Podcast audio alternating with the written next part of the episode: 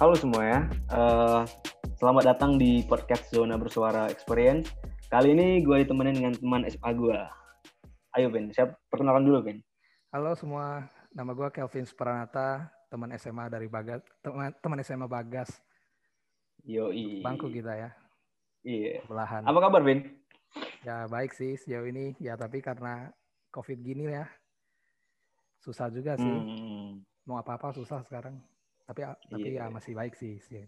masih sehat. Yeah. Gimana kabarmu, Bas? Ah, kabar gue sih aman sih. Aman ya. Cuman belakangan ini karena hujan ya, banjir kan. Daerah gua banjir banjir, Vin. Banjir ya? Nah, daerah lo kena nggak? Enggak sih, di sini kering malahan. Jarang hujan oh, malah ini. ya. Enggak, wow. enggak, kalau hujan pun kayak enggak deras-deras banget gitu. Emang hmm. seberapa tinggi tempat tempatmu banjirnya? Bisa sampai si semata kaki sih. Oh, nggak terlalu lumayan sih. Ya. Hmm. Uh, Tapi lumayan. Uh, jadi Vin, uh, gue pengen tanya nih, oh, lo kan silakan. seingat seingat gue nih lo tuh orang yang paling excited di kelas, orang yang paling Waduh. genius di kelas. Enggak, enggak, enggak, enggak. Jangan terlalu melebih-lebihkan. Oh iya, cuman yang gue ingat dulu hmm. tuh orang paling excited, apa selalu bersemangat. Nah, ya, pertanyaan gue pertama ini, apakah anda masih sama seperti dulu? Waduh, kalau ngomongin masalah semangat, gua rasa konsepnya kayak semakin tua umur kita kayak semangat makin turun ya kayaknya. itu sih yang gua rasain selama ini. Why? Why? Kayak makin Kenapa lama itu? kayak makin ah kurang bergairah gitu. Nggak kayak waktu SMA. Kalau waktu SMA itu kayak ada kayak ada target gitu, kayak ada sesuatu yang membakar dari dalam kan. Tapi kalau sekarang kayaknya ada apinya udah makin kecil gitu. Nggak tahu kenapa kenapa lo sampai berpikiran tuh seperti itu, Vin? Apa yang nyebabin lo? Ya karena gue bisa dilihat dari keseharian gue udah gak gak sepassion dulu sih dalam mencapai sesuatu. Sekarang kalau gue lagi ngakuin apa-apa itu kebanyakan kayak ya sampai batas minimum yang bisa diterima lah gitu. Gak sampai hmm. bener-bener 200% gitu misalnya. Hmm sampai batas oh ini udah oke okay nih di mata orang gitu misalnya. Hmm. Nah, nah itu kemarin kan perubahan binus habis nah. ujian kan. Binus oh, iya. ujian kan. Nah itu kan kerjanya kalau misalnya sekarang karena covid kan uh, ujiannya bawa apa kerjaan tugas gitu kan, terus kumpul iya. tugasnya. Iya. Nah kalau gue bandingin sama teman-teman gue yang lain, gue gak seniat teman-teman gue yang lain sih. Dia ada yang kerjanya laporannya sampai sekitar 90 lembar, dan gue masih gue kerjanya sebatas minimumnya aja ya 30 lembar. Karena emang diminta dosennya minimal 30 lembar gitu. Hmm. nah bisa dilihat dari situ lah contohnya. Kayaknya passion kurang kurang kayak dulu dah gitu. Iya, iya. lo kayak apa ya? Nggak seambisius dulu ya bisa dibilang ya, ya benar. Nah tentu benar. kalau lo lo, uh, lo lo gitu kan pasti ada waktu luang loh, semakin banyak waktu luang lo. Itu oh, lo iya. manfaatin untuk apa biasanya, Vin? Waduh, kalau iya manfaatin sih sebenarnya semakin sedikit ya yang bisa gue manfaatin. Malahan nah, kayaknya kalau ada waktu luang itu gue kebanyakan ngegame malahan sekarang. Hmm. hmm. Jujur dah dia emang ngegame ya gitu. Karena emang kewajiban-kewajiban gue udah gue selesain dan kalau waktu luang kayak jarang sekali kecuali kalau gue emang tertarik satu hal. Contohnya kemarin gue lagi tertarik sama Android itu benar-benar hmm. pas gue lagi awal-awal tertarik itu gue terbakar gitu wah nyoba terus dari pagi sampai malam hmm. ya tapi itu hmm. cuma bertahan paling beberapa hari itu hilang gitu nah Why? jadi kebanyakan sih kayak ya kurang kurang ada produk kurang produktif lah bisa dibilang jadinya setiap hari Sumpah gue gak expect loh Ben. Memang makanya lo lo, lo mulai berubah itu setelah setelah mulai kuliah atau gimana sih atau udah oh, beberapa semester? Gua semester satu dua tiga itu gue masih bener-bener serius tuh. Oh masih yang semangat gitu ya? Gue masih ya. bener-bener gue sampai pernah ujian itu gue gak tidur dua gak tidur dua hari bener. Wow. Karena ujiannya berturut-turut dan banyak banget materinya. Materinya wow. hafalan semua lagi. Jadi gue malam sampai pagi itu ngafalin terus. Nah itu karena emang semester satu dua itu gue masih kayak wah pengen dapat nilai sebaik-baiknya ini. Atau ini udah mulai hmm. berubah nih pas udah mendekati semester-semester akhir nih. Semester empat lima enam gitu. Oh, mulai berubah semester iya. segitu ya. Kayak rasanya hmm. kurang passionnya kurang gitu. Karena emang itu materi-materi pelajarannya emang kurang menarik sih bagi gua gitu. Bagi lo kurang menarik. Lo kan anak jurusan Master Track Sistem IT ya? IT, IT. IT. Hmm. Jurusan apa sih yang lo merasa itu kurang menarik bagi lo? Menurut gua IT dimulai semester 4. Dimulai semester 4 tuh. Apa nyebabin lo bisa kayak gini? Itu karena mata kuliahnya kebanyakan hafalan. Serius, Karena kalau semester 1, 2 itu gue masih praktek. Masih banyak banget prakteknya. Gue masih nyari-nyari lah apa yang bisa gue praktekin. Nah, tapi masuk nih ke semester 3, 4, 5, 6 itu wah teori. Banyak banget teori. Itu, itu beneran teori, Vin? Bener teori. Paling prakteknya itu cuma ngitung-ngitungan dikit doang. Hmm, Dan gua gak... kalaupun ada praktek lab, itu pun gak, gak, gak gimana ya, gak membakar gitu loh. Kayak contohnya gue semester semester 4 kalau gak salah ada mata kuliah multimedia system. Hmm. Kita bikin animasi. Lu bayangkan gue IT, gue bikin animasi pakai Adobe Animate. Lah, kok disuruh animasi? Hmm. Ya makanya. Gak tahu sih emang kurikulumnya dari sana. Oh iya. Makanya kayak kurang menarik gitu. Terus ada ada teori komputer jaringan. Itu benar full teori itu komputer jaringan. Belajar apa itu TCP IP ya emang menurut gua sih penting sih kalau dunia IT tapi kayaknya gua kurang tertarik ke sana. Karena itu kan kebagian teknis kan. Ke yeah, jaringan-jaringan gitu. kayak misalnya oh. lu mau kalau lu mau jadi kayak teknisi jaringan mungkin lebih cocok oh. belajar sana. Tapi kan gua gak mau. Gua maunya jadi developer gitu. Nah, lebih suka jadi developer gitu. Yeah. kayak teori itu seharusnya nggak cocok ke IT menurut gua sih hmm Ah, sangat nggak cocok IT gitu kalau main-main iya. teori gitu. Tapi IT itu harus praktek, bikin sesuatu. Hmm. Karena belajar IT itu contohnya belajar coding. Gue kan ngerasa nih, gue kan sistem informasi nih. Hmm. Gue belajar coding itu benar-benar nggak bisa dihafal sebenarnya, Vin. Iya benar. Harus coding banyak mencoba, mencoba, hmm. mencoba kan. Benar-benar, memang benar-benar butuh logik sih kalau coding. Tapi ah, kalau misalnya iya. bilang teori gak penting juga gak benar sih. Soalnya ada iya. beberapa iya. yang memang sesuatu yang lu bisa pahami kalau lu udah tahu teori gitu. Prakteknya lu bisa yeah. pahami kalau lu udah tahu teori gitu. Nah, yang hmm. gua maksud tadi itu teori nggak terlalu penting itu gini, Vin. Maksud gua uh, coding tuh dihafal gitu maksud gua. Ah, ya itu jangan. Nah, hmm. nah itu nggak nggak nggak ada guna sih menurut gua sih. Nggak iya. bakal bisa sih. Nggak bakal bisa, hmm, malah bener, pusing, Phil. Hmm, betul. Yeah. Gak bisa lu bandingin coding yang kasus A, terus lu hafal iya. A, lu pakai ke kasus B gitu. Nggak mungkin. Nggak bisa, nggak bisa. Hmm. Nah, lo sekarang, ini kan lo semester berapa nih, Vin? Gua sekarang semester 7. Gua lagi jalanin S2 sekarang. Ah, oh, oh udah masuk jalan S2 udah, ya? Udah, udah masuk S2. Gue S1 bisa dibilang udah selesai sih, tinggal kerjain skripsi. Widih. Eh, semester 1 selesainya lo apa semester berapa yang S1 ya? S1 gue selesai semester 6. Semester, oh, semester 6 uh, tuh? Sebenarnya semester 3 sih, karena semester 6 gue magang. Eh, semester 3, oh. semester 5 semester lima ya selesai terus gue semester enam hmm. habis magang yeah. Iya, iya. nah sekarang lo kesibukannya apa nih Vin gue sekarang sih masih itu sih gue masih kerja di tempat magang gue oh lo sekarang masih magang ya magang udah selesai tapi gue lanjut gitu Oh, berarti lu jago dong. Kebetulannya, kebetulan sih lagi waktu senggang dan covid gini kan, gue bisa work from home gitu. Iya, iya. Berarti jago lo jago, sih, Jago sih enggak sih. Cumanya ya emang kebetulan perusahaan lagi butuh gitu. Hmm, perusahaan apa tuh? Uh, eh, IT consultant. Jadi oh, IT consultant. Ngerjain dia kan misalnya ada perusahaan lain ada per, ada masalah apa, misalnya dia ada masalah di sistemnya, kita bantu nyelesain gitu. Iya, benar benar benar. Hmm. Jadi lo kalau kerja di perusahaan itu tuh lo biasanya di bagian ngerjain apa biasanya? Coding, coding, coding web lebih oh. tepatnya. Oh, coding web. Developer. Hmm. Back back end dong. Back end front end. Back end lebih ke arah back end-nya ya? sih, lebih ke arah back end. Oh, back end front end-nya cuma ya sedikit gitu. Kalau di perusahaan itu pakai ini nggak? Pakai framework kayak Laravel gitu nggak? Ada, ada. Kalau perusahaan oh, kita pakai gitu deh. Pakai Code Igniter sama oh. .NET.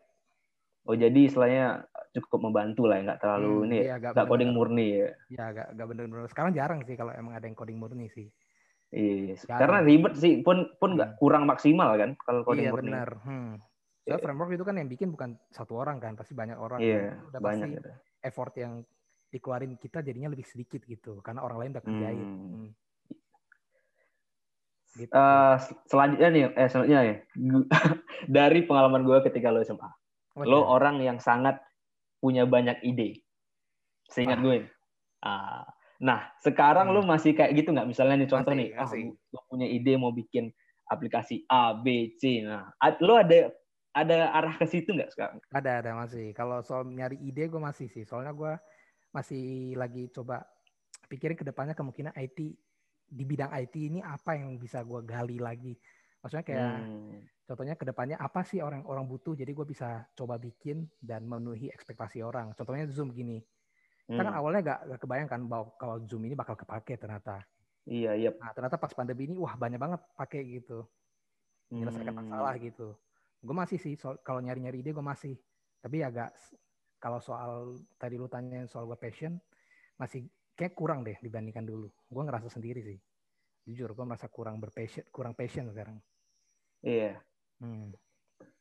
Kayaknya kalau gue boleh ngasih saran ini ke, ke lo lah, Hmm, boleh boleh lo kan orang yang gue gue pikir lo orang lo orangnya memang lo punya apa bisa bisa bilang gini ya talent talent lah. Lo punya talent. Cuman saran gue lo kumpul dengan sebuah komunitas gitu lah deh supaya lo semakin semangat gitu loh. Komunitas ya. Iya. Atau lo bisa ngajak teman-teman lo yang hobi coding. Itu sebenarnya itu membangkit membangkit ini loh membangkit semangat lo. Karena benar dulu sih, ya karena pengalaman gue nih lah pengalaman gue tuh gue dulu sendiri gue gue orangnya introvert kan hmm. nah gue tuh sering sendiri jadi efek kekurangan kalau gue sering sendiri itu gue baru nyadar sebenarnya pelan pelan tuh merenggut passion gue merenggut semangat gue kan hmm, kayak lu berusaha sendiri nah, gitu dan gak ada yang iya. keliatin kan hmm, nah, bener -bener. jadi mulai beberapa ketika pandemi nih gue benar-benar kayak gue baca buku kan gue baca buku baca lihat video di YouTube nah hmm? gue belajar dari situ katanya suruh gini coba lo sekali-sekali uh, lo keluar dulu, lo keluar rumah, lo cari teman-teman baru, lo cari pengalaman-pengalaman baru dengan teman-teman lo, saling sharing cerita. Nah dari hmm. situ gue muncul suatu semangat hidup lagi gitu. Makanya lebih podcast iya. gini gitu. Ah iya. Nah dari situ pertama gue lihat dulu nih apa kelebihan gue ini apa. Kalau kelebihan gue misalnya kerja jadi penjual-penjual gitu, gue mungkin nggak sanggup karena itu bukan passion gue juga kan. Mm-hmm. Nah tapi satu kelebihan gue dan kelebihan gue tuh bukan gue yang notice tapi teman gue di tongkrongan gue yang notice Vin. Ah. Nah, jadi ketika gue, gue nih, gue nih kalau pergi ke kafe atau tempat uh, apa gitu kan tempat nongkrong kan, mm-hmm. teman-teman lu notice kalau kemampuan gue dalam uh, conversation, gitu, percakapan gitu. Hmm. Nah, itu jadi pertama gue kayak, eh apaan lah, nggak mungkin. Nah, dari situ mulai podcast ini, Vin. Wow, sampai udah berapa nah, episode nih? ini pun gue ya. lagi mulai-mulai semangat lagi nih. Eh, hmm. kemarin tuh nggak semangat tuh karena apa? Karena kemarin tuh gini, kemarin tuh uh, eh, gue masih kayak dibatasi oleh gini loh, kebutuhan dengan gimana bilang ya? Apa nih? Pokoknya kemarin tuh gue belum seserius sekarang lah. Sekarang nih gue hmm. baru paham uh, dari podcast ini sebenarnya bisa tujuan gue nih podcast nih, Vin. Hmm. Pertama tuh gue pengen silaturahmi dengan teman-teman gue. Wah asik. Hmm. Ah, karena gue tuh sangat sangat susah ya silaturahmi. Kayak lo aja gue jarang loh. Sama SMA iya kan? Iya, sama jarang loh. Hmm. uh, sumpah ya jarang. Hmm, wow. iya sih. Benar sih kata lo emang bagusnya cari komunitas sih. Tapi kayak ah iya Vin. Gimana tuh Vin? kenapa nggak mau juga nih? Gue tuh masuk introvert masalahnya. Mau nyari komunitas itu kayak mau nyari orang yang benar-benar klop ya. Satu mm -hmm. passion satu pandangan yep. itu susah banget. Yep, gue setuju kalau itu. Bahkan sama teman gue, teman sekamar sekamar gue pas gue lagi di Jakarta aja itu hmm. sebenarnya sama bidang IT, tapi ya kayak mm -mm. passionnya kurang selaras gitu, harmoninya ah, kurang iya, ada. Iya. Ah. Nah rasanya jadi kayak kurang semangat gitu. Iya. Dan gue orangnya iya, susah, introvert, susah introvert jadi juga susah juga sih kalau misalnya lu bilang mau nyari komunitas gitu. Kecuali, iya, kecuali bener. ya kecuali ada orang yang approach gue nah itu gue baru dengan senang hati gue terima jadi gue kayak tipe hmm. orang yang bukan bukan nyari orang gitu tapi kalau hmm. orang nyari gue gue terima gitu introvert yang kayak gitu semi introvert lah bisa bilang oh iya iya benar hmm. iya soalnya kalau gue mulai pembicaraan dengan lo aja lo tuh sebenarnya nggak terlalu introvert kan lo kalau yeah. ngomong tuh sih hmm. asik ya Ya kalau misalnya emang kalau misalnya emang ada yang kayak mau ngajak gue ngobrol, gue asik sih. Tapi kalau gue yang mulai duluan, yeah. itu kayak susah gitu. Gue tak, gue, gue kadang suka mikir negatif gitu. Oh entah orang ini emang terpaksa ngomong sama gue atau gue mungkin nggak nggak asik gitu orangnya gue kan nggak tahu tapi kalau misalnya orang yang mulai ngajak gue duluan kan berarti dia ada ketertarikan sama gue jadi gue semangat hmm. gitu gue semangat mau ngomong gitu tapi kalau gue mulai dulu takutnya orang ini wah kok kok, kok gue ngomong dia dia gak ngomong gitu ya gak, gak enak rasanya gitu hmm. nah jadi kalau gue kayak kayak lu bilang gue nyari komunitas mungkin agak susah sih buat gue karena gue emang yeah, introvert yeah. yang di sananya. Jadi kalau misalnya ada komunitas yang approach juga bilang, weh Kevin, coba join dong komunitas kita. Kita lagi butuh nih developer kayak lu. Contohnya kayak gini ya. Nah, mm. itu mungkin gua wah, boleh tuh dengan senang hati gue kedatengin. Hmm. Kayak gue tiba-tiba oh. orang kayak gitu sih kalau dulu kalau cerita-cerita ya, gue tipe orang kayak yeah, gitu. Yeah. Oh, kalau gini kan kalau kita balik lagi ke topik awal ya. Ya, silakan. Mengenai uh, eh, gue tadi penasaran tentang ini loh, yang lo bilang tadi lo masih masih sering nyari-nyari ide yang bagus. Hmm, hmm. Untuk sekarang nih, lo ada kepikiran ide tentang apa, Vin? Ada, tapi gue gak boleh kasih tahu. Wah. Boleh, sini, sini gak, karena oh, gak boleh ya? Dulu. Karena kalau misalnya gue kasih tahu, menurut gue sih ide gue ini cukup bagus ya. Cukup ah. bagus dan peluangnya cukup besar di, di ke depannya. Tapi gue sekarang masih belum punya kemampuan untuk realisasikan ide ini. Kenapa lo nggak coba cerita, Ben? Karena kalau gue coba cerita, gue takutnya hmm. nanti mungkin ada orang yang lebih hebat dari gue. Dan dia kayak... Tapi setidaknya gini, Ben. Setidaknya lo cerita ke gue. Gue bisa apa cari mungkin apa berikan masukan, feedback tentang itunya. Nah, atau mungkin dari pandangan gue tentang aplikasi atau ide yang lo bilang tuh mungkin bisa diterima buat lo. Oh, Soalnya kalau disimpan-simpan tuh gimana? kayak gue masih nggak yakin gitu soalnya gue udah gua, gua udah pengalaman gue udah pernah ceritain ide ini ke orang nih. Ah. salah satu teman gue yep. tapi dia malah hampir mau ngebocorin ide gue ke salah satu perusahaan tempat dia melamar magang. Hah, serius? Serius. Untung hmm. untung untung untung gue pas dia lagi ya pas dia lagi ngomong gue kedengaran gitu. Udah bilang wah jangan dong ide ini dikasih apa dikasih ke orang gitu kita kita aja iya, gitu bener. maksudnya hmm, takutnya kan kalau ada orang kan ada orang yang biasanya opportunities apa opor orang yang suka nyari kesempatan kan nanti orang-orang kayak gitu iya. bisa jadi curi start duluan gitu iya iya benar contohnya kalau jujur ya jujur ya dulu pas semester satu gue ada kepikiran bikin imani kayak OVO sekarang bener serius hmm. waktu itu OVO hmm. belum keluar GoPay masih Waduh. belum belum benar-benar belum satu belum, itu 2000 2000 berapa tuh? 2017 pas tamat itu, pas selesai tamat gua Oh iya, iya benar-benar. Lo sempat gua, kepikiran itu ya? Hmm, gua sempat itu soalnya gua ngerasain sendiri kesusahannya. Gua mau beli apa-apa susah nih bayarnya. Belum lagi kalau misalnya gua mau bayar, gua ada uang gede doang.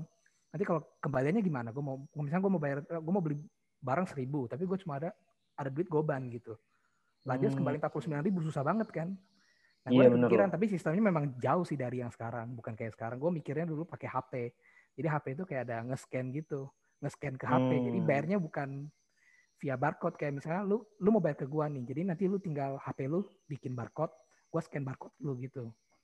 Iya, tapi gimana ya? Tapi ide lo tuh udah ide miliaran dolar, coy.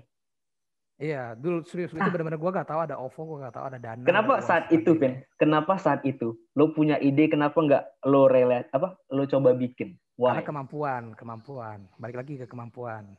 Iya. Yeah. Itu kan kemampuan gue waktu itu masih semester satu. Bayangkan SMA kita belajar komputer belajar apa kita? Belajar hmm. Photoshop kayaknya. nah itu nggak bisa itu. Um, Apalagi. Jadi Android. kalau untuk sekarang nih gimana? Lo kan mungkin udah punya kemampuan. Gimana? Lo mau punya kemampuan, ide tadi lo mau terobos? Masih belum. Masih belum. Gue punya kemampuan tapi bukan di bidang itu di bidang Why, Vin? Why? Susah, benar susah. Vin, kalau ide itu nggak cepat lo realisasikan. Nah itu. Ah. Hmm. Nah itu kalau ya, keduluan lagi. Dicuri, di, di keduluan lagi sama orang. Hmm. Soalnya gimana benar, ya? Hmm. 7 miliar manusia. Iya, iya, gua ada kepikiran ah. Hmm. Setiap detik tuh orang bisa saja sama dengan ide lo. Nah, iya itu makanya. Hmm. Gak ada kemampuan sekarang gua. Dan gue percaya sama lo, Ben. Lo nggak lo nggak boleh bilang, nih. Eh, gue gimana Ben ya? Uh, lo nggak nah. boleh bilang lo nggak mampu, lo nggak apa, karena hmm. karena gimana ya? Gue nggak percaya kata-kata nggak mampu, apalagi dari lo, Ben. Sumpah ya. Bukan nggak mampu sih, kayak gue sekarang kurang profession nih. Sebenarnya kalau misalnya mau belajar sih bisa. ah iya kayak, itu yang gue bilang tadi kayak kurang gitu passion gue pokoknya lo habis podcast ini lo harus punya passion lo Aduh. semangat lagi. Aduh semoga nih semoga. Iya harus semangat lagi. So, cari gue cerita-cerita aja nih ya, kenapa nih gue hmm. SMA ada passion. Soalnya oh, kenapa tuh bukan sesuatu yang ditutupin sih. Karena dulu gue SMA ada suka sama seseorang. Kalau hmm, tahu lah. Iya iya benar kadang kalau kita ada target ada sesuatu yang kita ingin dia merasa kita wow sekali, kita jadi bersemangat gitu. Iya benar benar. Dan semakin tahun itu hal-hal seperti itu udah semakin berkurang. Makanya kurang wow. apa sekarang jadi passionnya kurang gitu karena kayak kenapa lo nggak cari yang baru aja sih oh sih nggak semudah itu kan lu bayangkan kuliah IT Lu eh, SI masih enak, gue tau gue SI masih lumayan lah banyak, ada beberapa. Emang IT nggak ada cewek apa? Ya? Dua di kelas gue. Oh sedikit ya? Dua. Cowoknya ada dua puluhan, dua puluh limaan. Ceweknya cuma dua. Hmm. Lu bayangkan, ya bisa sih gue dari organisasi, cumanya kayak kurang kurang kurang cocok. Kurang apa? Kurang cocok, kurang cocok. gitu. Gua, nih gue cerita pengalaman gue tentang pertama gue kali kuliah di Binus. Wah boleh boleh. Nah, hmm. gue cerita ya. Kan kan kita ini kan salah bisa dikatakan gue ya lah gue ya. Gue ini bisa dikatakan orang yang orang kampungan lah bisa dikatakan. Dari Masa kecil sih? tinggalnya di kota kecil lah istilahnya. Nah, ketika gue sampai kampungan. Iya, bisa dikatakan hmm. kan kan lebih lebih lebih kotaan Jakarta kan. ya, nah, sebenernya. ketika gue sampai di Binus tuh, gue tuh kayak uh, eh, gue tuh kurang percaya diri, gue tuh merasa Waduh. insecure, serius pin, gue merasa Karena... insecure. Karena gue ngerasa kayak gitu.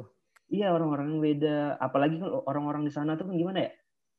Orang-orang di sana tuh kalau gue gambarkan tuh kayak lo waktu SMA pin. Oh, gue SMA gimana? lo SMA tuh kan gini, uh, asal aktif aktif ngomong, asal ada apa-apa aktif ngomong kan anak-anak Jakarta pada gitu kan Yes, iya rata-rata kan. Hmm. Hah, dia nggak nggak nggak nggak nggak malu, nggak takut. Benar dia sekali, bicara benar. aja. Hah, jadi itu salah satu membuat gue kayak shit man. Kayak I'm easy so going gitu kan anak-anaknya kayak, kayak easy oh, going. Tiba-tiba langsung udah akrab aja gitu. Ah, iya hmm. itu yang gue bilang tadi itu. Tuh. Benar benar gua, benar. Hmm. Kalau lo sendiri ada masalah itu waktu awal-awal di sana? Benar, gua gua malah ada sebuah cerita yang sebenarnya cukup memalukan sih. Ah, gimana tuh Ben? Waktu gua awal waktu awal gua kuliah kan semester hmm. sebenarnya waktu itu belum masuk semester satu masih masa mos lah istilahnya. Oh iya. Apa ya namanya kalau sekarang? Apa? First year ya? Iya, first year apalah gitu. Pokoknya FYP, FYP. FYP ya benar-benar yeah. FYP. Nah, itu pas FYP kan ada kelompok gitu. Kelompok yang istilahnya jurusannya mirip-mirip. Waktu itu kebetulan gua sama I, uh, master track IT sama master track SI. Satu hmm. kelas ada sekitar mungkin 60 60 orang waktu hmm. itu waktu karena gue masih waktu itu gue dari SMA kan gue gue selalu jadi ketua kelas kan bener gak iya bener nah gue merasa kayak wah mungkin kali ini gue bisa coba nih gue jadi ketua kelas hmm. dan waktu pas dia lagi mau milih komti gak ada yang mau terima tuh gak ada yang mau angkat tangan tuh gak ada yang mau istilahnya menunjukkan diri dan cuma gue doang satu-satunya partisipan yang gak hmm. ditunjuk dan menawarkan diri karena gue waktu itu hmm. gue ngerasa kayak ya kayaknya gak beda jauh lah dari SMA gitu. Hmm. Orang-orangnya mungkin sama lah kayak teman-teman sekelas gitu. Ya udah gue jadi komti dah. Wah ternyata susah men, benar-benar susah men. Kayak gimana ya? Kayak culture mereka itu berbeda gitu. Meskipun memang ada sih yang dari beberapa daerah, nggak semua hmm. dari Jakarta kan. Tapi kayak mereka culture-nya ternyata wah beda jauh dari gua dan gue kayak gak bisa nyambung gitu awalnya gak bisa nyambung sama mereka jadi waktu itu gue jadi komti bener-bener gue komti yang introvert malah jadinya gue mau hmm. ngomong sama orang juga kayak malu-malu gitu karena gue ngeliat mereka udah bergelombol gitu mereka hmm. entah gimana udah membentuk kelompoknya sendiri dan gue kayak terasingkan gitu. Dan gue gak berani waktu itu gue gak berani juga sih ngomong ngajak mereka ngomong. Pasif lah istilahnya. Yeah, nah, sampai, yeah. sampai sampai sampai sampai kayak ada disuruh bikin yel yel itu wah itu parah sih. Gue gak bisa ngatur kelas waktu itu. Sampai akhirnya gue ke depan kelas karena kan kelasnya udah berantakan itu. Gak hmm. susah apa udah gak nyatu lah udah ngobrol sana ngobrol sini main sana main sini wah sampai waktu itu gue ke depan kelas. Gue gue ke depan kelas gue beraniin diri. Gue ngomong sama mereka semua. Tolong gue bilang tolong. Tolong dong untuk uh, apa masa orientasi ini coba kita sukseskan bersama gitu. Coba kita satukan hmm. pikiran. Pokoknya gue curahin lah waktu itu. Dan akhirnya ya memang ada sih beberapa yang kayak oh ya akhirnya ada beberapa yang mulai kayak deketin gue dan coba tanya-tanya ini gimana ke depannya kita mau bikin kayak gimana mau kayak gimana setelah gue ngomong kayak gitu tapi itu tetap hmm. sih menurut gue momen yang sangat yang membuat gue gak, gak mau jadi komti lagi sejak itu shit karena waktu itu FYP kawasan tujuh hari kan. Hmm. Dan disuruh bikin jalurnya itu hari ke dekat-dekat terakhir lah, hari ke lima enam. Iya benar-benar. Nah jadi selama saat hari satu, satu sampai empat itu gue ngobrolnya cuma ada sama orang-orang itu itu aja yang gue kenal. Hmm. Padahal gue sebagai komti kan harusnya merangkul semua kan. Yep. Dan gue gak bisa ngerangkul semua itu. Nah semenjak itu gue udah udah wah gak bakal mau lah jadi komti lagi serius. Sampai sekarang ya sebenarnya pernah sih jadi pemimpin lagi waktu gue di organisasi ditawarin juga dan gue coba lagi ya udah mendingan sih nggak nggak kayak dulu tapi awal-awal pas yang FYP selesai itu gue udah bener-bener malunya gitu loh rasanya malu gitu gue kan bisa ngerangkul mereka bahkan sampai gue ke depan kelas gue ngomong kayak gitu rasanya wah malu banget Wow. Nah, awal-awal itu mungkin gue masih benar-benar 100% nggak mau jadi komti, tapi makin lama makin berkurang sih. Karena gue kan juga hmm. tipe orang yang pengen maju lah sebenarnya. Iya, gue tahu betul nah, lo gimana orangnya. Mungkin Tapi gara-gara kejadian itu tuh pengaruh berpengaruh pada lo tentang ini ya, tentang kalau gua kepercayaan diri lo ya. Ya, gue kalau menjadi pemimpin atau komti atau jadi ketua tim itu gue harus mikir mikir satu dua tiga kali lagi. Gak kayak dulu. Dulu gue kalau misalnya eh, siapa yang mau jadi ketua, gue langsung angkat tangan duluan tanpa mikir. Nah, wow. gue harus benar-benar mikir matang-matang ini kalau gue jadi komti atau jadi ketua gimana nih timnya apakah cocok sama gue apakah job yang diberikan untuk komti ini bisa gue sanggupin atau enggak gitu hmm. terus yang lo bilang tadi lo lo pernah uh, jadi uh, pemimpin dalam organisasi lagi nah itu, kan ada jabatannya apa tuh gue jadi ketua SPK support jadi ah gimana cerita tuh jadi waktu itu kan organisasi organisasi gue kan sebenarnya organisasi yang khusus untuk ngadain event-event terus nih. Eh itu apa sih organisasinya?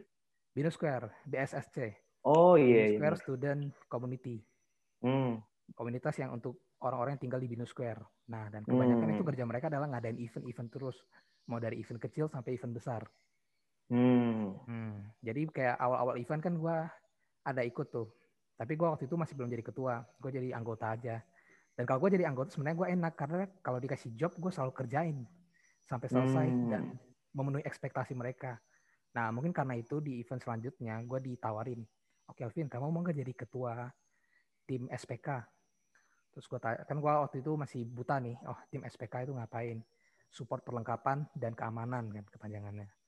Kalau hmm. ternyata kerjanya adalah kalau misalnya ada misalnya mic butuh mic gue yang nyariin atau misalnya ada yang misalnya uh, ada yang lagi berantem misalnya pas event, nah itu tim gue yang uh, ngatasin.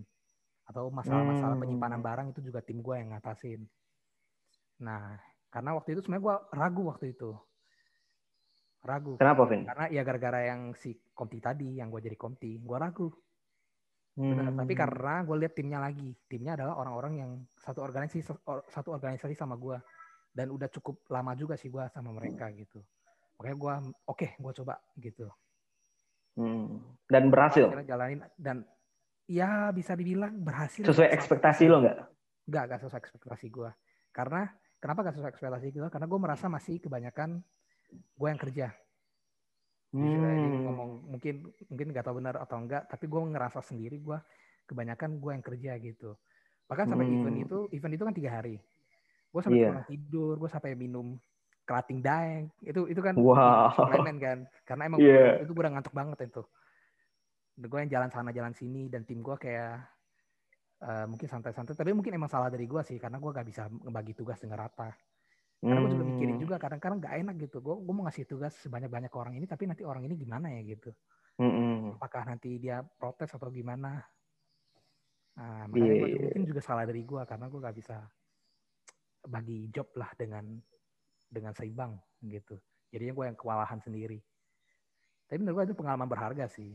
Iya.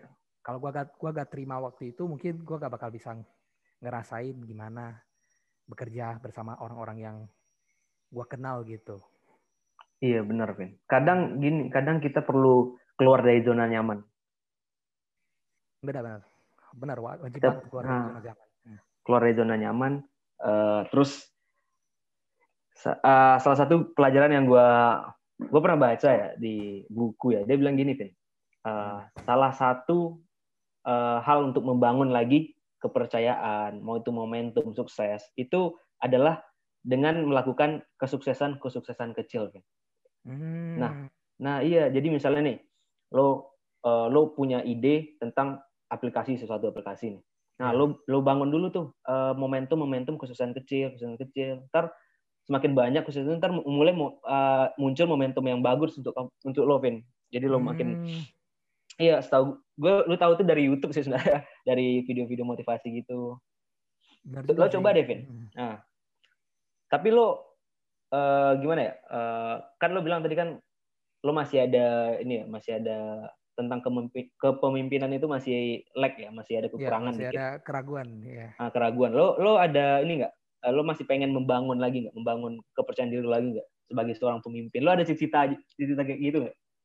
pengen tapi gue gak harus lihat lagi maksudnya nggak hmm. nggak semua opportunity bakal gue ambil gitu gue harus lihat lagi sesuai dengan kemampuan gue atau enggak. Soalnya kalau misalnya gue ambil sesuatu yang nggak bisa gue nggak gue gak capable gitu itu bakal benar-benar ngebebanin gue sendiri. Karena gue emang udah ngerasain juga pasti organisasi. Ngambil sesuatu hmm. yang gue sebenarnya bukan di bagian ini harusnya. Hmm, oh. jadi kayak wah benar-benar lu tiap hari dikejar deadline itu rasanya wah gue gua gak suka kerja ini tapi gue dikejar-kejar terus deadline-nya. Itu rasa capek banget sumpah. Iya yeah. Nah, makanya kalau misalnya lu bilang itu harus lihat lagi sih gue gak semua opportunity pasti gue ambil hmm. pasti gue lihat sekali lagi lo pikir-pikir dulu sih. berarti hmm. gue pengen sih tapi lihat lagi kondisinya gitu uh, soalnya lo nih soalnya tentang, tentang deadline ya setahu oh, iya. gue lo waktu SMA tuh cukup orangnya cukup deadlineer ya Iya benar-benar. Uh, Sekarang masih. Se sekarang ini gimana, Vin? Sekarang masih. Sekarang masih, Vin? Sekarang Serius, masih. Karena kayak gimana ya, kalau misalnya lu ngerjain sesuatu di akhir-akhir itu kayak ada adrenalin gitu. Dan lebih maksimal rasanya. Serius, serius. Tapi itu yeah. gue lihat lagi sih, gue lihat lagi dari kondisi gue. Kalau misalnya gue emang ke depan, apa misalnya beberapa hari ini udah pasti senggang nih. Dan itu hmm. mungkin gue baru nunda-nunda deadline. Tapi gue kalau misalnya tahu, oh beberapa hari ini kemungkinan ada kejadian yang bikin gue gak bisa kerjain pasti gue kerjain lebih dulu gitu karena kan dulu sekarang gue udah gak sesantai dulu gitu maksudnya gak gak istilahnya gue gak 100% tahu gue ke depannya mau ngapain. Karena kan gue kerja juga.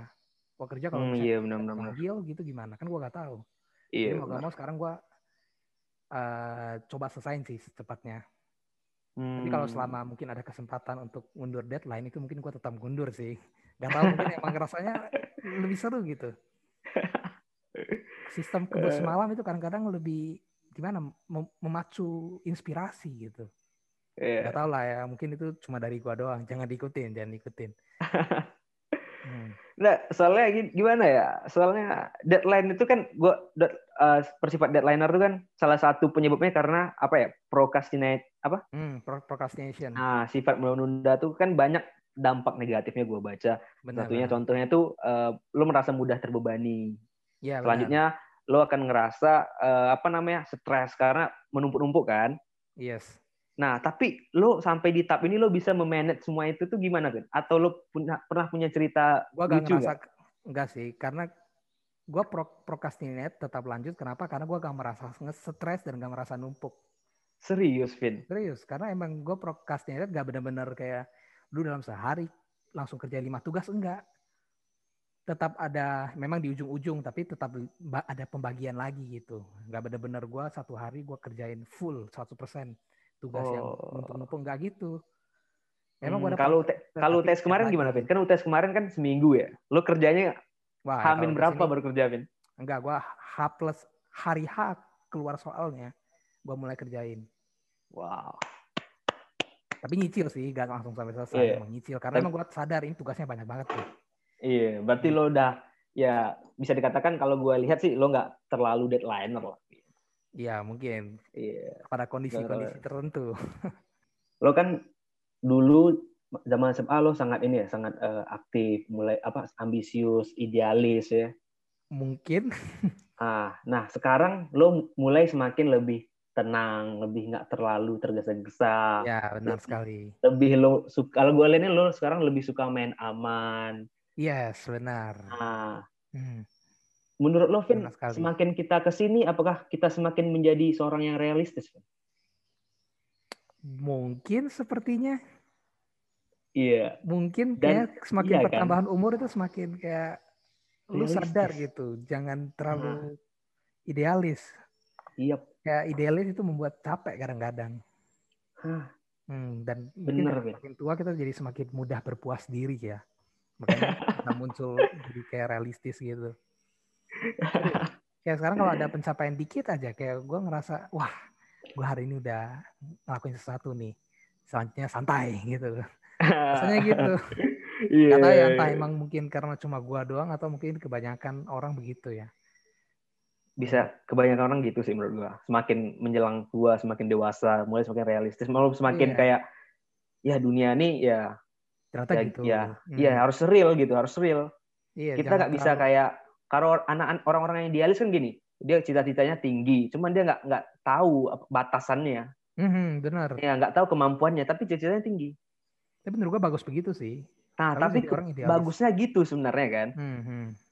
Nah, tapi karena uh, semakin dewasa ini, kenapa malah semakin keterbalikan ya? Nggak tahu ya, faktor usia mungkin mungkin semakin dewasa ada hormon-hormon tertentu mungkin yang membuat begitu. Nggak tahu juga sih. Tapi gue lihat beberapa teman gue juga ada yang passion banget. Iya, ada ada yang seperti itu benar. Mungkin faktor dari lingkungan juga ya. Lingkungan salah satu faktor paling besar menurut gue sih, Iya. Kalau lingkungannya mungkin istilahnya orang berkulu sama orang-orang idealis, pasti lu ujung-ujungnya juga jadi idealis. Idealis. Hmm, kalau misalnya jadi orang-orang sama realistis, lu juga jadi kayak terpengaruh gitu. Nah kalau lu sendiri iya, itu gak tahu sih entah gimana. kayak gua gini gua sendiri gitu. Kayak yeah. Tiba-tiba muncul aja kayak rasa realistis gitu, merasa kurang ingin mencapai sesuatu yang sangat tinggi gitu jadinya. Hmm, iya benar. Gak tahu juga ya kenapa bisa gitu. Mungkin kalau misalnya ada, mungkin ada suatu saat, mungkin kalau ada orang yang tepat hmm. di sisi kita, mungkin bisa kali membangkitkan semangat tersebut. Iya, Jadi benar, orang yang realistis tapi semangatnya idealis. Ah, itu dia asik tuh. Iya benar. Menjadi realistis. Lu tahu lu tahu batasan-batasan lu dan lu bisa memaksimalkan batasan-batasan lu itu. Iya, nah, iya benar. Gabungan kan sebenarnya. Hmm. Hmm. Bener, Vin. Cuman uh, kalau menurut lo, Vin, uh, idealis ya, gue sekarang tentang idealis ya. Hmm. Idealis hmm. tuh, mereka kan orang-orang idealis kan suka berpikir besar ya. Ya benar. Ber suka berpikir besar. Cuman hmm. kebanyakan dari mereka tuh uh, sulit untuk menggapai mimpi-mimpinya biasanya kan. Yes. Nah, Mungkin ya. Apa penyebab mereka kayak gitu, Vin? Wah, kalau itu kurang tahu juga ya. Hmm. Gue juga gak bisa ngasih so, jawaban pasti sih kalau soal itu. Ya soalnya gue dulu juga gue gue dulu juga seorang yang idealis ya. Sampai sekarang mungkin bisa dikatakan cukup idealis ya. Jadi ya benar, gue juga orang-orang idealis itu kan hmm. banyak ide, banyak mimpi kan. Hmm. Nah, bingung nih gue mau jalanin yang mana, jadi gitu. Iya benar-benar. Nah, dulu malah dan pas pada lanjut lanjut lanjut dulu. Nanti baru dan pada ya dan pada akhirnya tuh karena idenya tuh terlalu lama disimpan, akhirnya kayak malas gitu gue, Vin. Wah, iya benar-benar itu benar sekali tuh. Hmm. Iya kan? Ide lama disimpan jadi kayak wah, ah. malas lagi lah gitu. Contohnya kayak iya. gampangnya adalah paling gampangnya nih contoh nyatanya adalah main game. Hmm. Itu kalau misalnya gue udah main, misalnya waktu awal-awal nih ada game baru nih, gue mainin. Oh itu semangat banget mainnya. Tapi karena udah mulai hmm. jenuh, gue mulai berhenti. Dan pada suatu saat, gue mau lanjutin lagi, udah misalnya gue udah istirahat nih, misalnya satu tahun gak main. Pas gue mau main lagi rasanya kayak kurang gitu, beda lagi rasanya. Hmm, hmm. Iya, iya benar, benar. Kurang berpassion gitu jadinya. Mungkin iya. emang sesuatu itu kalau mau diselesain nggak boleh ditunda-tunda kali ya. Iya benar, Vin. Setuju. Kadang kalau ditunda itu mungkin bisa menyebabkan hal-hal seperti itu. Tapi nggak tahu juga sih. lo, hmm. Vin, uh, uh, udah berapa ide yang lo sempat pikir bagus tapi karena lo nggak kerjain jadi sia-sia gitu kan ada berapa banyak gitu? Wah. Sebenarnya gak banyak-banyak banget sih. Dari ide yang paling gue sesalin itu sejauh ini ya imani itu yang pas gue semester hmm. satu pikirin. Itu yang paling gue sesalin karena emang sekarang lu lihat dah imani di mana-mana. Ngeri sih. Dan itu kalau misalnya anggap ya gue ambil satu rupiah per transaksi aja satu rupiah per transaksi itu gue sehari bisa dapat berapa penduduk Indonesia ada berapa 200 jutaan lebih kan hmm. mungkin anggaplah 20% dari 200 jutaan 10% lah dari yeah. 200 jutaan yang memakai aplikasi gue dan dia anggap wow. sehari dia melakukan satu transaksi saja. Itu berarti udah sekitar 20 juta gue dapat per hari. Kasarannya nggak tahu benar atau enggak ya. Mungkin ini kasarannya bisa. Aja. No, that is true, man. Hmm. Benar nah, itu yang gue sayangin. Dan ide yang yang tadi gue gak mau bilang, itu dia juga bisa kemungkinan seperti ini. Wow, Vin. transaksi. Tapi lo harus kerjain, Vin. Realis, realisasikan ini. Harus realisasikan, Vin, secepatnya, Vin. Iya, gue juga Saya sama gue, Mengumpulkan niat. Ah, harus, Vin. Iya. Iya. Harus. Gimana sih. ya? Kita nggak tahu ya ide kita tuh bisa sukses itu. Kita nggak. Iya, kayak Emani lo lah. Lo bak, lo nggak tahu, lo nggak expect bakal bisa sebesar ini kan? Benar-benar. Ah, nah coba aja yang ide ini, Vin. Mana tahu kan? Kita nggak nggak tahu kan? Iya, mana tahu. Tapi uh, ya itu ntar lagi sih. Soalnya kayak kurang berpassion gitu rasanya kurang rasanya gue masih belum belum 100% terbakar gitu hmm. baru masih di kaki gue doang yang terbakar belum seluruh nah, tubuh gitu gue sempet ketemu uh, dengan uh, apa ya dengan orang apa ya kenalan baru ya hmm, hmm. kenalan baru ini dia kuliahnya itu di Jogja jurusan penerbangan hmm, okay. nah nah orang ini salah satu orang yang ngajarin gue gimana harusnya menjadi seorang idealis, cuman juga seorang yang praktisis. Artinya dia tuh tipe orang gini kan, dia ngajarin gue tuh menjadi orang hmm. kayak gini. Dia punya ide A, ya. nih ide A, dan dia yakin dengan idenya itu, dia hmm. kerjain hmm. langsung saat itu juga, detik itu juga kan. Berarti nah, langsung orang-orang, iya jadi teman gue tuh uh, gimana ya? Dia tuh seorang ini ya, seorang entrepreneur ya, dia hobi dengan hmm. kewirausahaannya. Nah, dia bilang ke gue gini, Vin, bang dia kan satu tahun di bawah gue oke okay. bang uh, kalau abang punya ide tentang apa pun itu abang yakin tentang ide itu langsung kerjain bang jangan pernah ditunda hmm. jangan pernah ditunda dan gue lihat Vin hasil yang dia hasil dari dia uh, melakukan itu dia udah punya banyak bisnis sekarang Vin udah sukses berarti ya sukses sih bisa belum dikatakan belum sukses cuman istilahnya semua idenya itu apa ya terrealisasikan loh Vin. Jadi hmm. idenya loh. Dia punya coffee shop di Jogja dan di sini baru buka. Ah. Nah, dan dia emang passionnya di situ. Jadi dari situ gue belajar kayak ide itu jangan sampai ditunda, jangan sampai dibiarkan karena ide itu kayak kayak gimana ya? Kayak kayak awan sih. Kalau kita eh, nggak uh, ngerjainnya itu udah udah udah menghilang, udah pergi awan. Hmm, dia benar-benar sih. Tapi ya mau hmm. gimana nih guys? Kayak kayak ya pengen sih kita pengen pasti pengen mau realisasikan ide yang kita pikirkan kan. Tapi kayak kurang gitu, kurang ada niatan itu entah kenapa. Mungkin mungkin yang salah dari gua sendiri gak tahu juga ya. Hmm. Gue merasa rasanya kayak susah gitu. Iya. Yeah. Hmm, memang sih benar kalau misalnya ide itu harus bagusnya langsung direalisasikan, tapi ah, langsung direalisasikan kadang ucapan tidak semudah apa uh, tindakan itu gak semudah yang diucapkan gitu. Iya benar benar. Hmm. Tapi lo udah coba gini gak sih? Udah coba kayak ini. Lo kan sekarang kan lagi disibukkan oleh apa? Uh, kerja di perusahaan kan? Iya sama kuliah. Pa lo part time gak? Iya part time. Jadi kalau nah, gue gue part time-nya cuma pas kuliah doang. Oh gitu. Dia nyesuaiin jadwal gue jadinya. Hmm. Oh iya gue pernah dengar tuh dari Binus tuh dia nyusahin jadwal kuliah. Hmm. Uh, iya benar. Tapi kan lo sekarang masih masih banyak waktu luang kan? Iya benar sih banyak waktu luang. Uh, dan waktu luang lo habiskan main game kan? Iya benar sekali. Coba lo ubah Vin. Main game tuh waktunya lo hapus lo ganti itu Vin. iya mungkin. Ya Sempat kepikiran sih. gitu gak? sempat malahan gue makan setiap kalau misalnya mau tidur itu kadang-kadang kepikiran oh hari ini gue ngapain aja gitu hmm. ya gue ngerasa hari ini gak ngapa-ngapain tapi pas besok pagi gue bangun lagi perasaan hmm. yang pas gue mau tidur itu hilang serius perasaan pas gue mau tidur itu kan gue kayak gue merasa waduh hari ini nggak apa-ngapain rasanya gak enak banget. Tapi pas gue bangun hmm. gue melakukan kegiatan kerasa gak enaknya itu gak ada lagi gitu. Gue ngerasain enak-enak aja jalanin sampai akhirnya malam lagi dan gue mau tidur baru gue dan itu ngulang-ngulang terus ya? Yes benar ngulang-ngulang terus. Wow. Hmm. gitu makanya. so, jadi gimana ya?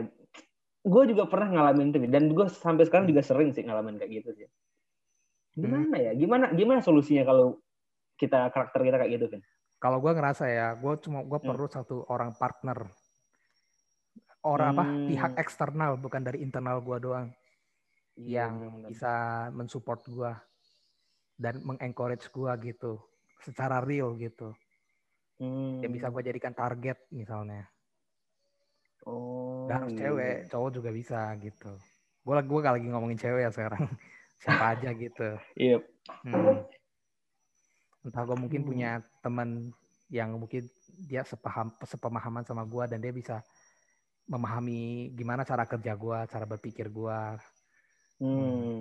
Tapi susah sih mau nyari yang kayak gitu, yang sejalan pikirannya. Iya, susah sih, Ben. Hmm. Cuman kalau gue sih yakin dengan lo, Ben. Sumpah ya. Nah, Vin, gue, nah kalau gue nih, gue juga pernah sempat kayak gitu kan. Sering malahan uh, malamnya itu kepikiran tentang sesuatu ide atau sesuatu apa pun dengan tentang produktivitas gue. Iya benar. Terus? Nah, nah gue punya cara nih, mungkin lo bisa terapin ya. Wah boleh itu. Cara gimana? Uh, gimana bisa jadi uh, kan kita malamnya kepikiran mau lakukan sesuatu. Gimana hmm. besoknya itu kita ngelak, memang ngelakuin sesuatu itu. Nih caranya, Vin. Gimana? Uh, gue biasanya gini, ketika gue bangun pagi, hmm? baru gue bangun pagi, itu langsung gue lakuin apa yang gue pikirkan malam tuh. Waduh. Serius, Vin. Jangan sampai uh, up, jangan sampai gimana ya? Jangan sampai terfokus kita terganggu oleh hal-hal iya, lain. Contohnya gini. Ya. Hmm. Iya, jangan terdistract. Jadi jangan ini kan kalau bangun pagi nih. Hmm. Nah, gue itu biasanya terdistract dengan kayak kayak HP, kayak Instagram, YouTube benar atau sekali, benar, benar. Ah, gue sering terdistract ke situ. Nah, hmm. Nah, coba lo praktekin. Jangan dulu buka Instagram, jangan lo buka game, lo langsung dulu buka apa yang lo pengen lakuin.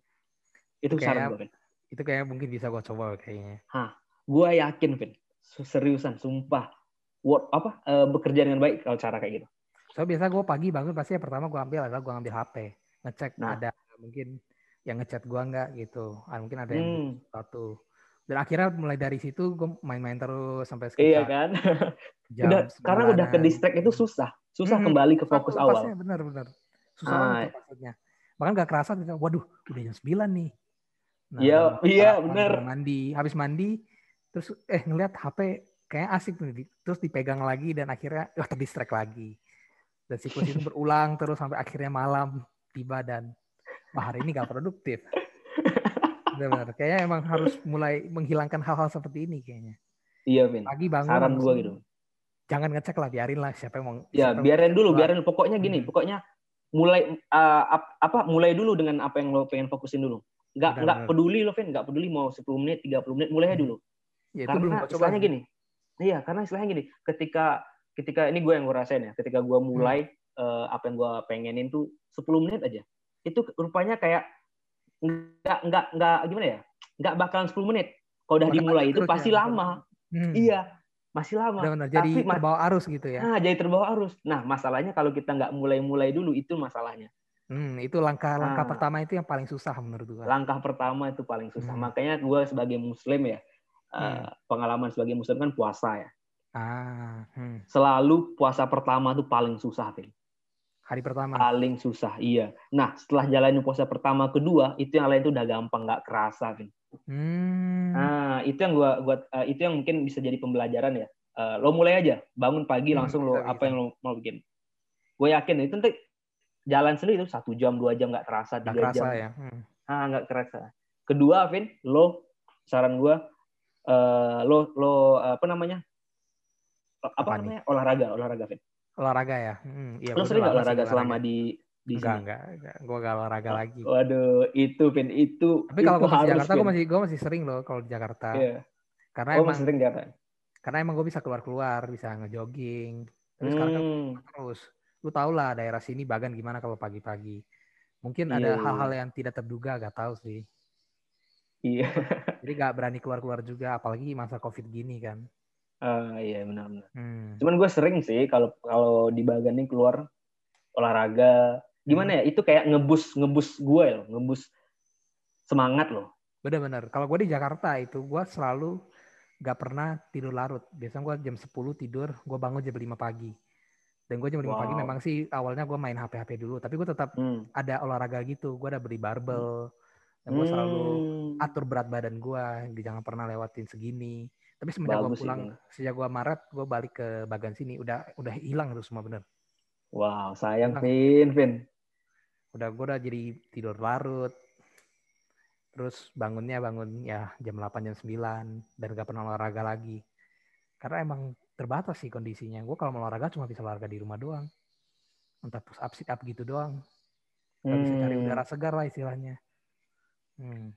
kalau uh, menurut gue Ben ya gue saran sama lo nih hmm. mungkin bisa diterima atau enggak serah lah ya ya bisa bisa Jadi saran gue terbuka sama saran sekali lagi gue gue uh, gue kasih ini saran mengenai lakuin dulu untuk pertama kali nih. Hmm. Lakuin dulu untuk pertama kali. Lo kan merasa kayak situasi bagan tuh seperti ini, seperti ini kan. Hmm. Coba lu lakuin dulu pertama kali lo mulai jogging dah atau jalan pagi-pagi jam 7 atau jam 8 atau jam 6. Lo mulai jalan hmm. dulu, Vin. Satu hari aja. Gue yakin, gitu. gue yakin, ya, gue yakin semua ekspektasi, semua overthinking lo tuh berubah, Vin. 100%. Hmm. 100% Ben, gue yakin. Gue karena gue gitu juga. Gue dulu di Bagan nih jarang olahraga ya. Karena gue ngerasa kayak lo, lo juga. Kalau di Jakarta kan gue olahraganya kan uh, eh, gue bisa nge-gym atau segala macam kan. Iya, iya. Hmm, hmm. Nah kalau di Bagan nih beda nih situasinya nih. Kondisinya iya, beda.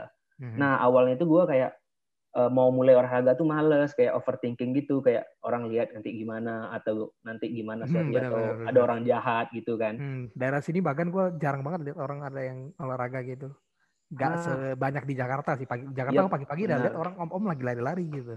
Udah banyak Jakarta. Kayak biasa gitu, udah ya, udah biasa. Kayak natural gitu. Ah, natural. Hmm. Nah, setelah gue mulai awal-awal pertama kali, Ben. Hmm. Semua yang gue pikirkan overthinking itu semuanya salah, Ben. Serius, Ben. Iya. Yeah. Semuanya Kenapa? salah. Gua dan setelah gue melewati hari pertama, hari kedua, ketiga tuh gue udah mulai nyaman udah mulai gak peduli gitu sama gua, iya udah mulai terbiasa semua. ah karena kalau gue nilai lo Vin dari dulu lo tuh orangnya overthinking bisa bisa apa uh, overthinking ya Iya bisa dibilang Bener gitu ya. Hmm, gue gua iya, selalu kan? mikirin, gue selalu mikirin pandang orang lain lah pokoknya. Ah, iya, gue masih gua ingat. mikirin pandangan orang lain dulu gitu. Uh, Entah apa yang gue lakukan ini dianggap umum atau tidak gitu. Ah, iya. Padahal belum tentu orangnya mikirin sampai segitu kan. Ah, iya, padahal belum tentu.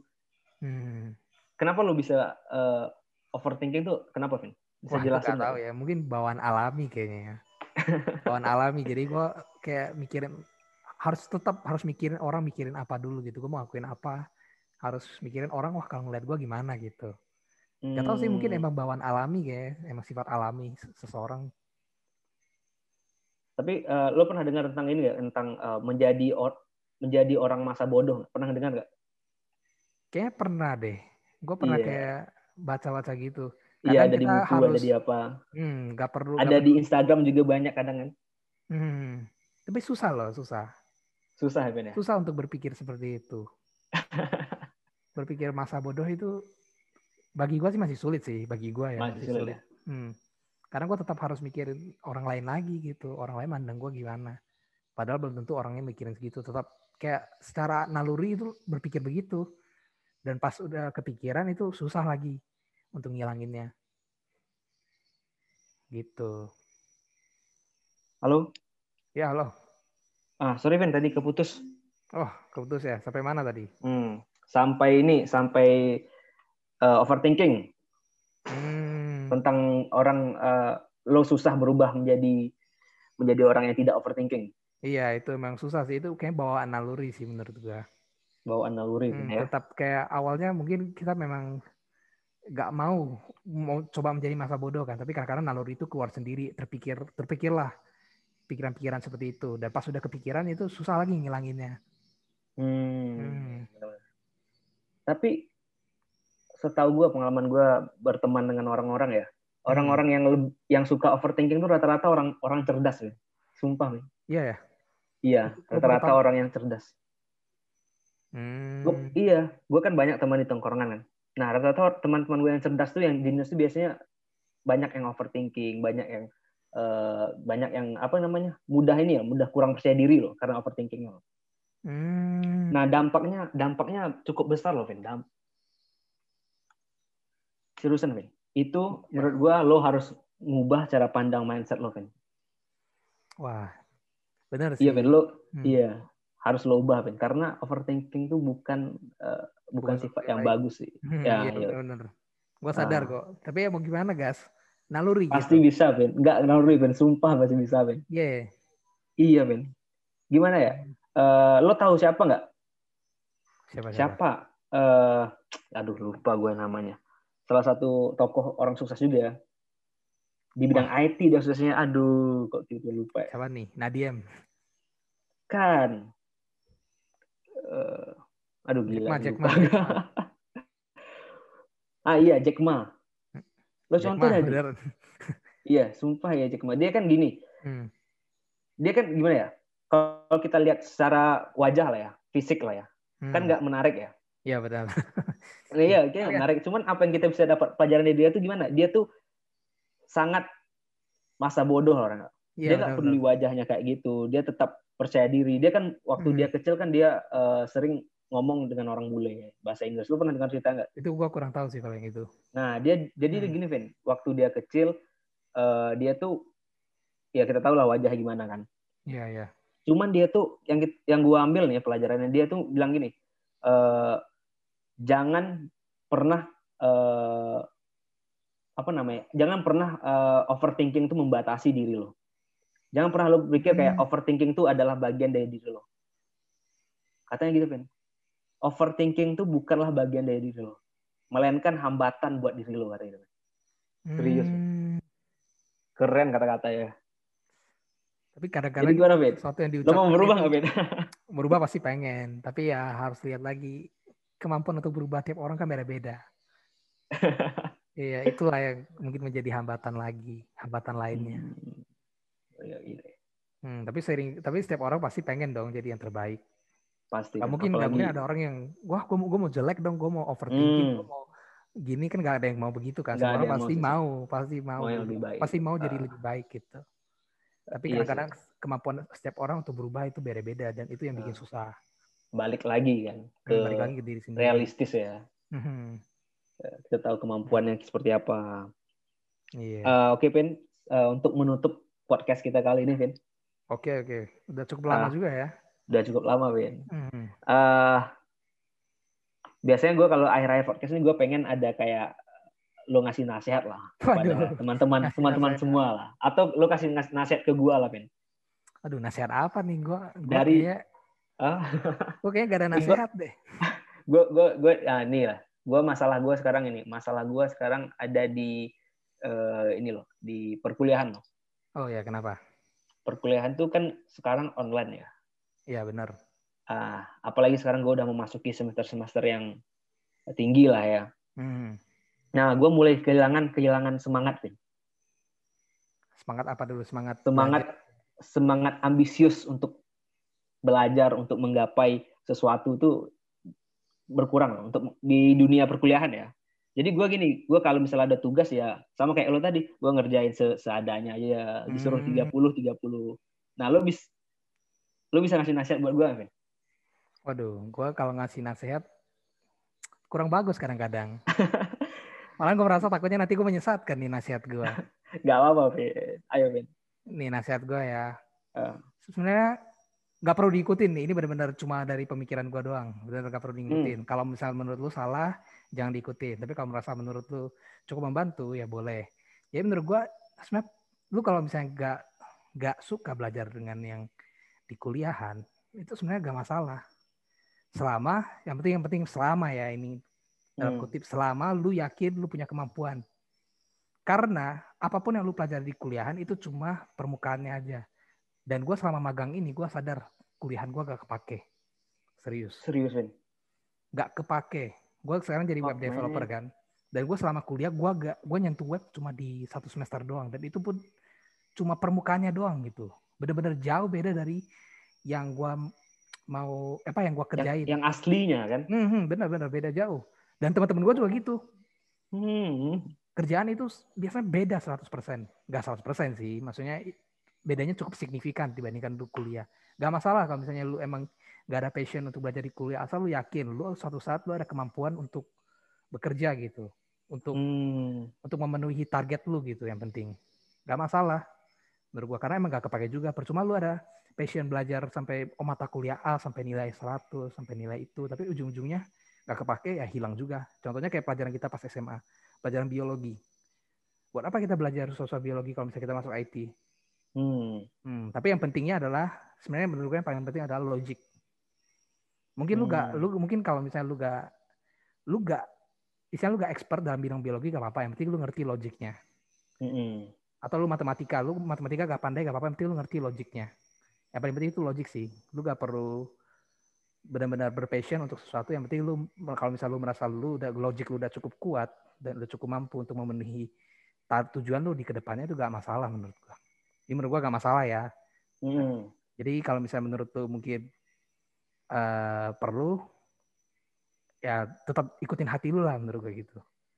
Ini kalau menurut gua karena dari yang gua alamin sendiri hmm. alamin sendiri kuliahan itu kurang gitu. Kebanyakan cuma mengasah logik doang. Hmm. Dari kuliah itu yang menurut yang paling penting adalah mengasah logik. Sisanya itu lu bisa sebenarnya lu bisa pelajari sembari bekerja dan itu lebih efektif dibandingkan lu belajaran di kuliah. Hmm. Logik yang paling penting menurut gua. Iya itu iya. jawaban gua dari pertanyaan lu. Nah, gua nih kebetulan gua nih ada gua bikin ini ya, gua bikin target ya. Hmm uh, target yang gue pengen capai salah satunya itu uh, podcast podcast gue ini. Oh ya hmm. kedua itu gue pengen jago di bidang di bidang coding. Cuman gue masih bingung Vin. Di bidang coding tuh gue pengen sekarang yang dicari perusahaan tuh di bidang apa sih? Lo bisa semua, kasih gue recommended. semua bidang ada sih sekarang. Lu mau web yang juga masih hot. yang bagian SI deh bagian SI bagian SI ya Iya, menurut lo apa yang rekomend Ben? Gue pengen ini loh, gue pengen gue pengen ada skill gue dapat di luar dari perkuliahan gue. Contohnya, gue misalnya jago di back end, gue pengen ada itu loh. Bentar ya, nah, karena lo udah pernah ngalamin kerja di perusahaan, nah, hmm. yang perusahaan tuh kira-kira butuh butuh yang seperti apa, programming yang seperti apa, Vin? Kira-kira skill yang seperti apa, Vin? Atau kita ngomongin perusahaan gue ya, gue kan baru magang enam bulan nih ya, gue magang kan cuma ah, asik full, cuma enam bulan. Iya iya. Gue gak tahu perusahaan lain kebutuhannya gimana, tapi gue tahu perusahaan gue kebutuhannya gimana. Perusahaan hmm, gue kebutuhannya itu sebenarnya banyak divisi sih kalau di perusahaan gue. Ada divisi khusus untuk website, ada divisi khusus untuk mobile. Hmm. Nah, tapi emang emang mainly cuma dua itu doang, mobile sama website. Hmm. Dan teman-teman gue juga gitu. Dari perusahaan lain gue ada ada kayak misalnya dia ada perusahaan musik gitu, dia juga fokusnya di mobile gitu. Hmm. Karena kalau misal lu pelajari apa pun pasti ada sih perusahaan yang butuh. Tapi menurut gua ya kalau misalnya emang lu mau pelajari sesuatu yang kemungkinan bakal ke depannya sangat besar, sangat besar nah, iya, prospek iya, kerjanya itu adalah mobile, hmm. mobile. Hmm. Karena di zaman sekarang siapa coba yang nggak pegang mobile? Iya. Setiap hari pasti pegang mobile. Dan itu berarti jangkauan customer lu dan jangkauan perusahaannya lebih besar gitu untuk yang butuh mobile ini. Hmm, itu uh, lo tau nggak uh, skill-skill apa bahasa programming apa yang untuk mobile, Vin? Untuk mobile sekarang yang gue tahu itu ada Flutter. Flutter itu kalau nggak salah masih baru-baru juga sih. Itu buatan Flutter. Google. Flutter. Hmm. Tapi itu kayak itu masih... dipakai di perusahaan lo? Enggak. Gua kan perusahaan gua kan kerjaan gua kan sebagai web developer kan. Oh iya benar. Dan yang untuk yang mobile itu gua kurang tahu mereka bikinnya pakai apa. Hmm. Tapi gue tapi kalau sih. Tapi kalau yang tentang website tuh gimana, Vin? Untuk untuk ke depannya gimana? Kurang ya menurut lo? Menurut gue website bakal lebih kalah daripada mobile. Hmm. Karena website itu kayak gimana ya? Lu kalau misalnya mau buka website benar-benar bagus itu cuma dari kalau benar-benar mau bagus ya, itu bagusnya dari laptop atau dari komputer. Kalau buka HP yeah. itu pasti rasanya beda gitu. Hmm, bener. Maksudnya lu buka Facebook dari dari browser lah, lu buka Facebook dari browser. Dibandingkan lu buka Facebook dari aplikasi Facebooknya yang buat HP, buat Android. pasti beda feel-nya. Iya benar. Dan itu menurut gua kayak website agak kurang di sana. Berarti lebih ke mobile bakalan lebih ke mobile ya. menurut gua. Soalnya mobile sih ya lo sekarang lebih milih ketinggalan dompet daripada HP kan kalau di kota kan. Hmm, benar benar. Uh, sekarang HP bener itu sih, paling penting nih.